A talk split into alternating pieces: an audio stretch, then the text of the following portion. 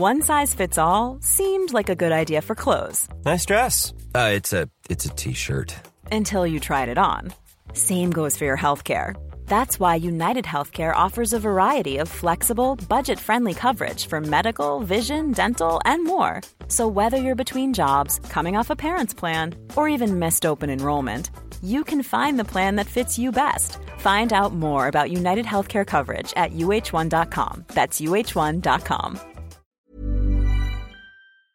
Halo pendengar GGMI Podcast, baik lagi bersama kita berdua dan pada kesempatan yang kali ini kita akan ngebahas kemenangan ketujuh di tujuh laga kandang ya. Iya. Uh, Manchester United di, di ya paruh babak kedua lah ya setelah uh, Januari gitu kan. Di mana akhirnya kemarin kita menang dengan skor cukup meyakinkan 3-1 meskipun ada sedikit minor ya Jadi benar kata Alvin mengenai David De Gea, tapi kita akan bahas itu secara terpisah gitu. Karena kita ngomongin masalah squad dulu ya, di mana akhirnya ada suatu unlock new position, bahwasanya ternyata Rafael Varane bisa dipakai sebagai right wing ternyata ya.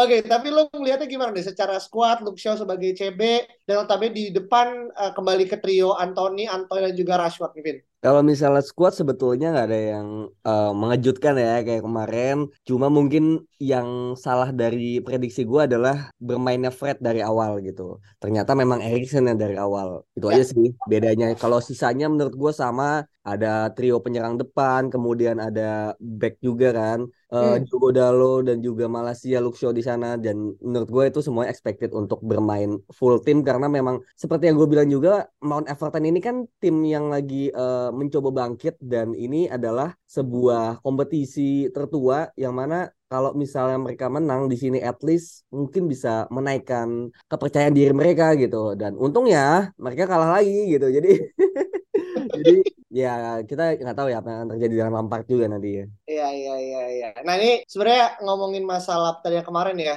Um, satu hal yang kita sadar, satu hal yang bisa menghentikan Rashford adalah alarmnya sendiri ternyata Vin. Iya. Iya kan dengan dia satu assist satu gol ya. Meskipun yang kedua ya bunuh diri tapi tetap asis dia. Tapi yang pertama dari uh, apa yang gol Anthony ya gitu. Tapi lu melihat performance Rashford ya yang memang akhirnya bermain di sisi kiri. Bahkan Casemiro kan mengatakan kalau dia terus mempertahankan kondisi seperti ini gitu dia bisa menjadi top 5 uh, best European football gitu karena lu melihat performance Rashford yang kemarin tuh benar-benar dihabis-habisin ya sama Dakore, Onana gitu kan. Yang gue kalau aduh nih jangan sampai nih ujungnya jadi kayak Robin 2.0 gitu. yang udah bener lagi bagus eh ternyata karena cedera jadi hilang momentum gitu. Nah, lu, lu lihat gimana nih penampilan penampilan Rashford kemarin? Iya, Rashford menurut gue memang satu dia sedang kembali ke dalam performa terbaiknya dari sisi fisik, mental dan juga performa juga gitu. Jadi tiga hal itu benar-benar sekarang lagi di atas ya. Kalau masalah fisik kan kita tahu juga bahwa dia udah selesai dengan cederanya. Kemudian dari sisi mental juga Erik Ten Hag berhasil membuat dia kembali mendapatkan kepercayaan dirinya lagi gitu dan bisa cetak gol terus sejak sebelum Piala Dunia kayaknya ada beberapa gol kemudian di Piala Dunia sampai dipanggil juga kan ke skuad dan akhirnya sampai sekarang masih mencetak gol setidaknya satu kan. Meskipun yang terakhir juga uh, sifatnya lebih kepada mungkin quote unquote dikasih ya sama Bruno karena penalti. Cuma di luar itu juga kontribusinya juga sangat besar dan menurut gua juga ini pada akhirnya juga menjustifikasi bahwa kontrak baru jangka panjang itu sangat dibutuhkan gitu. Dan lagi dipush sama Erik Ten Hag kepada manajemen jangan sampai akhirnya dia nanti pergi ke PSG atau ke mana pun itu gitu. Dan ya gua meskipun menjadi salah satu orang yang dulu mungkin agak nggak yakin ya, ini pemain bisa balik lagi nggak ya gitu. Tapi ternyata balik lagi ke performa terbaiknya gitu. Meskipun kalau misalnya kita melihat dengan jeli juga ya kemarin itu pas lawan Everton ini ada momen di mana dia tuh sempat kesulut ya sama siapa ya? Coleman kayak eh, bukan Coleman uh, Godfrey kalau nggak salah. Jadi ya, sempat agak ya. berantem dan itu sempat bikin uh, dalam 20-30 menit itu permainan dia tuh agak gerasa kerusuk kalau misalnya kita bisa ini ya fair ya. Dia hmm um, apa ya dribblenya memaksakan kemudian juga mau gocek sana gocek sini tapi kerebut gitu. Itu mirip ketika ya musim-musim uh, jeleknya dia gitu. Jadi kita juga harus memastikan dan selalu membuat Rashford ini kepalanya dingin menurut gua. Kalau misalnya dia udah in emotion udah in pressure seperti tadi gitu itu menurut gua udah bahaya gitu. Dia akan mencoba melakukan, melakukan sesuatu yang nggak perlu nggak bermain simple gitu. Dan once akhirnya masuk ke babak kedua itu udah lebih baik gitu. Karena gue yakin mungkin Erik Ten Hag juga udah melihat itu dan mencoba untuk menenangkan dia kembali dan akhirnya ada satu asis ke gol bunuh diri dan akhirnya juga satu gol kan. Hmm, hmm, Oke, okay. dan di sini akhirnya menunjukkan kalau apa yang akhirnya kita sempat bahas ya bagaimana akhirnya kebangkitan MU. Apalagi kan ini kan sebenarnya kemenangan ke-8 ya kalau di total dari semua kompetisi gitu kan. Dan ini uh, menyamai rekornya Mourinho ketika di awal dia masuk gitu kan Ten Hag sendiri. Hmm, gitu. iya, iya, iya. Dan kemarin kita kejebolan tuh terakhir kali kita kejebolan di kanan tuh pas lawan Arsenal gitu kan. Yang mana sudah cukup lama gitu. Dan ini menurut gue adalah suatu hal yang sangat baik gitu kan. Dan ditambah rotasi pemain yang menurut gue sangat menjadi apa ya plus poin kali ya di MU gitu kan. Yang memang mungkin ini yang kita cari meskipun memang masih terlihat compang camping. Tapi menurut gue ini adalah suatu hal yang positif karena minggu depan ya kita akan akhirnya bertemu melawan uh, Charlton Athletic nih gitu kan. Sembari akhirnya di hari Minggu juga kita akan menunggu drawing siapa oh. yang akan menjadi lawan MU nih gitu. Karena tapi itu terkait dengan sisi pertahanan nih Vin gitu. Lu ngelihat ada catatan apa yang bisa lu kasih untuk blunder dari De Gea kemarin Vin? Kalau blunder sih tuh menurut gua memang lebih kepada individu De Gea-nya aja sih yang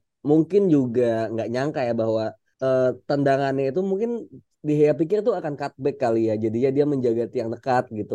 Cuma memang ternyata tendangannya persis ke kakinya dan dia tangannya itu lagi megang tiang kan jadi ya jadi ya nggak apa namanya nggak siap gitu untuk untuk uh, mengantisipasi tendangan itu dengan tangan. Akhirnya kena kaki dan ya udah lewat kolongnya aja gitu. Ya ini blunder aneh juga sih dan jangan sampai terjadi lagi menurut gue karena sejujurnya di 5 sampai 10 menit pertama itu gue yakin banget bahwa MU ini bisa menang 2-0 atau 3-0 dari awal gitu dan udah bisa kill the game dalam 10 menit itu bisa banget men. Ada hmm. peluangnya Anthony, ada peluangnya Anthony Martial juga yang um, menceng dikit ya gitu. Ya. Cuma pada akhirnya ketika kebo dan dan once akhirnya Anthony mencetak gol, by the way itu golnya juga ya lumayan keren lah ya karena Rashford dari ujung kemudian di uh, tap in agak sliding gitu ya sama hmm. Anthony dan ya membuat ningkatin confidence lumayan bagus gitu. Jadi hmm. sejak gol itu Everton itu langsung ngegas dan dengan dia ngegas berarti kan banyak space di belakang dan once kita bisa intercept the ball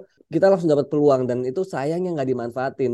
Nah sejak MU kebobolan sejak gol aneh itu terjadi itu tuh Everton langsung mainnya rapet banget langsung uh, apa ya dia mengincar counter dan sering dapat juga gitu loh dari Gray dari Maupai juga dari siapa lagi ya gue lupa gitu cuma intinya langsung susah gitu loh. Bahkan sampai kita harus menunggu untuk kebobolan uh, untuk ini ya apa Conor Kuadi ini mencetak gol bunuh diri gitu. Jadi menurut gue untuk pertahanan sendiri um, ketika kita memang lagi apa ya uh, menyerang dan kayaknya lagi agak under pressure menurut gue juga pemain kita terlalu banyak di depan dan terlalu mudah kehilangan bola juga gitu loh dengan pemain-pemain yang tidak tenang gitu kayak Rashford kemudian Anthony juga kadang-kadang juga gampang banget kehilangan bola kemudian Bruno juga sering salah passing juga Casemiro juga semalam menurut gue dari sisi bertahan oke okay, tapi dalam menyerang dia sering salah passing juga gitu yang bikin langsung di counter gitu sih. Jadi dengan counter itu menurut gua akhirnya kita juga bener yang kata Erik Ten Hag bilang ya after match lawan Bournemouth bahwa kita sebenarnya bisa aja mengantisipasi kayak gitu cuma itu melelahkan gitu loh. Kita membuang-buang energi kita udah di depan kemudian kita harus lari lagi ke belakang buat ngejar terus nanti kita ke depan lagi gitu. Jadi kayak main tenis katanya kan gitu sih. Sebenarnya bisa cuma kayak kayak bikin capek aja gitu. Hmm, hmm. Iya, dan kita sebenarnya kalau misalkan uh, boleh jujur sebenarnya kita bisa menang 5-1 ya kemarin ya. Kalau misalkan beberapa peluang tadi yang Alvin bilang belum lagi peluangnya Erikson ya Vin ya yang pakai kaki kiri karena udah ya, ya. pertama itu kan menurutku tinggal berapa inci aja gitu uh, tiang atas gitu kan. Jadi belum lagi Rashford dan segala macam. Jadi menurut gue secara penyerangan kita under ten hag ya dan juga nih shout out untuk underrated uh, coaching staff ya Benny McCarthy ya Vin yang akhirnya ya, ya. membenahi lini depan MU yang menurut gue musim ini tuh jangan kaget kalau kita bisa menyentuh angka 40 gol gitu kan di musim ini ya. Uh, ini ini pendapat gua nih. Kita kan udah hampir 24 sekarang ya. Berarti kan sisa kurang lebih 18-an lagi nih yang mau kita kejar gitu kan. Menurut gua tuh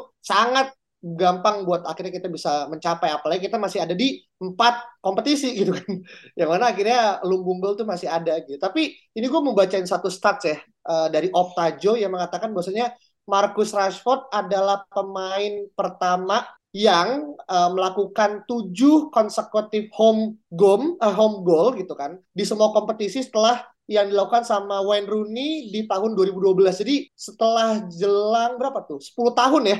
Akhirnya ada pemain MU yang berhasil nyetak 7 gol secara konsekutif. Even Ronaldo pun nggak bisa gitu. Yeah. ya, kan ini kan ada satu hal yang akhirnya turut menjadi salah satu alarm apa lagi nih gitu kan. Pas sebelum akhirnya match dimulai gitu kan. Banyak rumor ya Vin ya yang akhirnya berbau Joe Felix nih sebentar lagi nih.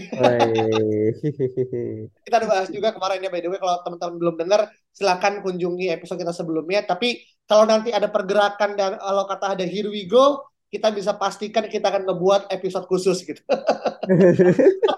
okay, next dulu nih kita akan ngebahas masalah penampilan di tanggal 11 ya. Kita akan melawan Charlton Athletic itu di UE ya, Vin ya? Home juga. Home lagi. Wah, ini menang banyak nih. Dan kemarin kan gue expect kalau ada Kobe Mainu ya, ternyata dia sempat ada cedera, cedera ringan gue baca di Twitter gitu kan. Yang akhirnya gue cukup pede nih pas lawan Charlton bisa lah gitu. Izzy Iqbal gitu kan, Kobe Mainu gitu kan. Pemain depannya yang akhirnya turun-turun tuh yang ya Garnacho gue sih yakin oke, okay. terus juga AWB gitu. Tapi lu ngelihat pertandingan lawan Charlton apa yang lo bisa uh, ambil secara preview nih, Vin? Kalau lawan Charlton, um, Ten Hag sendiri kan bilang bahwa dia udah punya rencana, cuma dia mau tidur dulu gitu.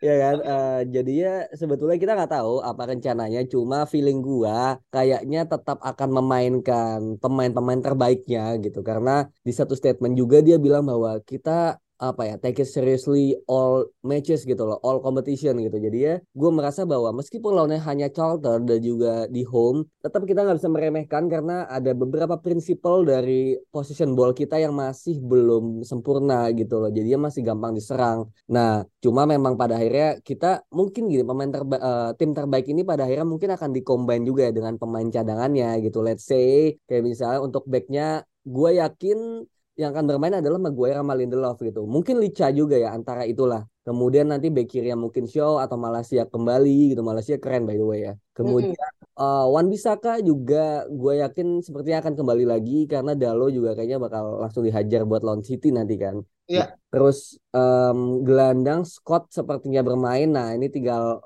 tengahnya aja nih yang mungkin kita bingung gitu karena Bruno Fernandes gak ada kan. Mm. Jadinya maybe uh, Scott Fred dan juga Erikson yang akan bermain gitu. Erikson akan mencoba bermain dari nomor 10 di tempatnya Bruno gitu. Dan untuk depannya, ya menurut gue masih akan sama sih. Martial, Rashford, mungkin Garnacho juga. Atau Anthony, karena Anthony juga baru main lagi kan. Jadi kita butuh uh, kembali ya dia. Mungkin Rashford babak kedua ya, itu juga make sense juga. Di mana nanti uh, babak kedua tuh harus ada seorang pemain pembeda yang kalau misalnya um, pahit-pahitnya kita mungkin masih seri atau misalnya butuh kill the game itu ada pemain itu gitu. Dan yang menarik adalah untuk posisi kiper. Hmm. akan bermain gitu. Apakah David De Gea biar lebih aman atau pembelian terbaru kita yaitu Jack Butland ya yang katanya mungkin akan debut juga mumpung lawannya Charlton gitu kan jadi Benar. gua gua gue gue pengen sih lihat Butland main gitu kan karena katanya ya. Butland ini adalah incaran pertama untuk backupnya De Gea di summer kemarin cuma iya kan cuma iya. gara-gara dia nepis tendangannya Martial tanah patah Oh, Oke, okay. akhirnya, akhirnya beralih ke Martin Dubravka gitu. Oke, ternyata ini adalah the one that got away berarti ya. Iya. betul betul. Iya iya iya iya. Oke. Nah ini hal yang akhirnya tidak didapatkan ya privilege kalau misalkan Batland main gitu. Gue cukup gue gue inget-inget ya Dubravka itu main setelah kurang lebih dua setengah bulan deh soal dia hadir kan karena kan sebelumnya kan dia terus kan yang main kan iya, dan iya. ini kalau misalkan Batland langsung main ini gue yakin mungkin Dubravka dalam hati kayak anjing nih gue udah datang dari lama baru dapat main dua bulan kemudian ini baru datang satu hari tiga hari kemudian langsung main gitu iya iya iya ya kan ini masalah kesempatan gitu tapi ya memang nggak ada yang bisa ini ya apa namanya uh, mengetahui masalah kesempatan gitu kan. Tapi kalau bahas masalah MU dan juga Charlton ya, kita tuh udah ketemu 59 kali. Dengan 75% itu kemenangan di MU dengan 38 kali menang, 10 kali kalah dan 11 kali kita imbang. Dan pertemuan terakhir kita itu cukup lama di 10 Februari tahun 2007 berarti 15 tahun yang lalu gitu Iya, ini kita menang 4-0 bukan ya? 2-0. Oh, 2-0. Yang 2-0 itu tahun 2006. Iya, iya, iya. Berarti Alvin nonton pas SD berarti kita pas Iya. Ketahuan lah ya umurnya ya. Iya benar benar benar.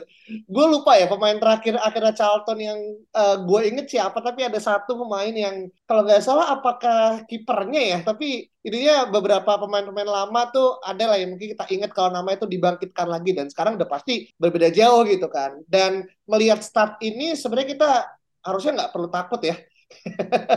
secara level, secara pertandingan, form gitu kan. Dan juga squad kita di atas kertas uh, mungkin tiga poin atau lolos ke tahapan berikutnya adalah suatu keabsahan tapi bola itu bundar gitu kan. Nah mungkin kalau misalkan lu bisa melihat kira-kira kejutan apa yang akhirnya bisa dibuat di pertandingan besok kira-kira apa Vin yang mungkin akan harus diwaspadai Vin? Kalau kejutan apa ya? Hmm, Iya, semoga ya. Ini mungkin bukan kejutan ya, karena gue tidak melihat akan ada kejutan karena pasti dari awal pun sudah diprediksi dan akan diunggulkan MU akan melaju gitu kan. Jadi kalau kejutan malah bisa sebalik yang terjadi kan, dan gue nggak mau itu terjadi kan. Iya iya iya. Ya, jadi ya menurut gue memang harus kill the game dari awal sih itu aja yang memang mungkin sangat diharapkan karena tiga hari kemudiannya kan akan melawan City gitu. Jadi dengan kill the game dari awal MU bisa uh, menguasai pertandingan, bisa main dengan tempo yang lebih lambat mungkin ya hanya untuk ya memainkan bola dan position saja gitu. Dan pada akhirnya kita juga mungkin di menit 60-an bisa menyimpan pemain gitu kan yang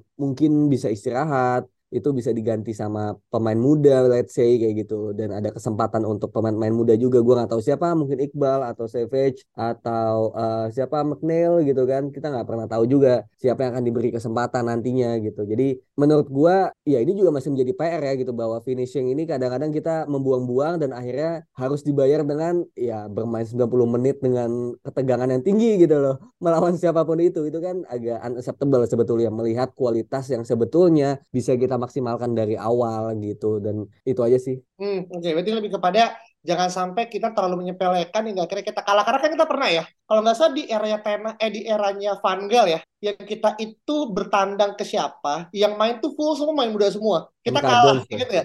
ya. Kan? Itu yeah. yang main tuh Tyler Blackett Paddy McNair terus juga gue lupa tengahnya siapa ya tapi kita kalah kalau nggak salah 4-2 deh. MK Dons 4-0 kayaknya. 4-0 kan itu Makanya. Kalau nggak salah Oxford United deh, kalau gue nggak salah ya. Tapi gue lupa deh. Pokoknya tandang yang gue inget saat itu karena kita pakai baju warna putih deh. Jadi ini ya itu jangan sampai kejadian ini terulang gitu kan. Karena uh, kalau kita ngelihat ini ya uh, rival watch ya, City kan akan lawan Southampton ya di St. Mary Stadium gitu kan. Terus juga uh, Nottingham Forest akan ketemu lawan Wolves dan juga Newcastle akan lawan Leicester gitu. Jadi sebenarnya ini nih pertandingan mudah buat MU sebenarnya. Iyalah. jarang untuk kita dapatkan biasanya gitu ya. Kita kan hmm. dapat main kayak Chelsea gitu kan lawannya.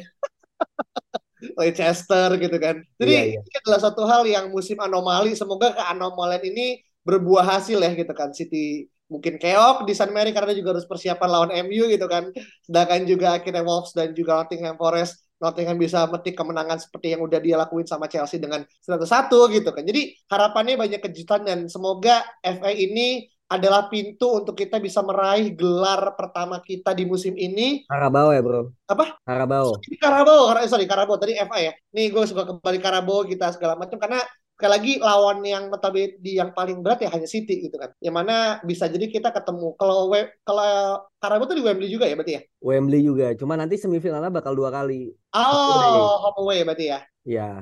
Iya sih, oke oke. Nah ini yang tinggal kita lihat siapa yang akhirnya bisa uh, melaju ke tahapan akhir dan semoga ini adalah musim uh, lakinya Ten Hag ya karena dia menurut gue a man behind the gun ya seseorang yang underrated dan seseorang yang akhirnya banyak melampaui ekspektasi dan gue sih cukup yakin dengan squad yang ada plus tambahan squad tambahan sih gue bisa ngelihat MU punya masa depan yang uh, sangat cerah lagi gitu kan itu preview dan juga review pertandingan antara MU melawan Everton dan juga MU yang akan melawan Charlton Atlantic tanggal 10 uh, eh, waktu Inggris tapi 11 waktu Indonesia ya kayaknya. Ya, Rabu pagi lah ya. Rabu pagi gitu kan. Jadi kalau teman-teman punya pendapat berbeda ataupun mungkin ingin mengkoreksi ya karena kemarin kita sempat dikoreksi Nevin ya.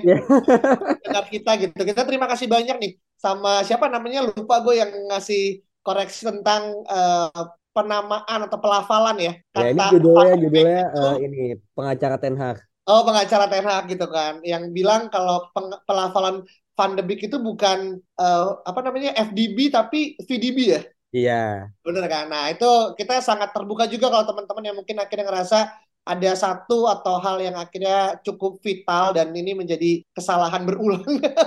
Terutama buat gue Alvin dan juga Saung, feel free untuk akhirnya ngasih masukan dan jangan lupa untuk follow sosmed kita di Twitter dan juga Spotify at Podcast. Jangan lupa kasih bintang limanya gitu kan untuk kita bisa tetap memproduksi konten-konten eksklusif di Spotify terkait dengan kabar Manchester United. Itu aja dari kita. Thank you so much. Kita ketemu lagi pada kesempatan. Bye-bye.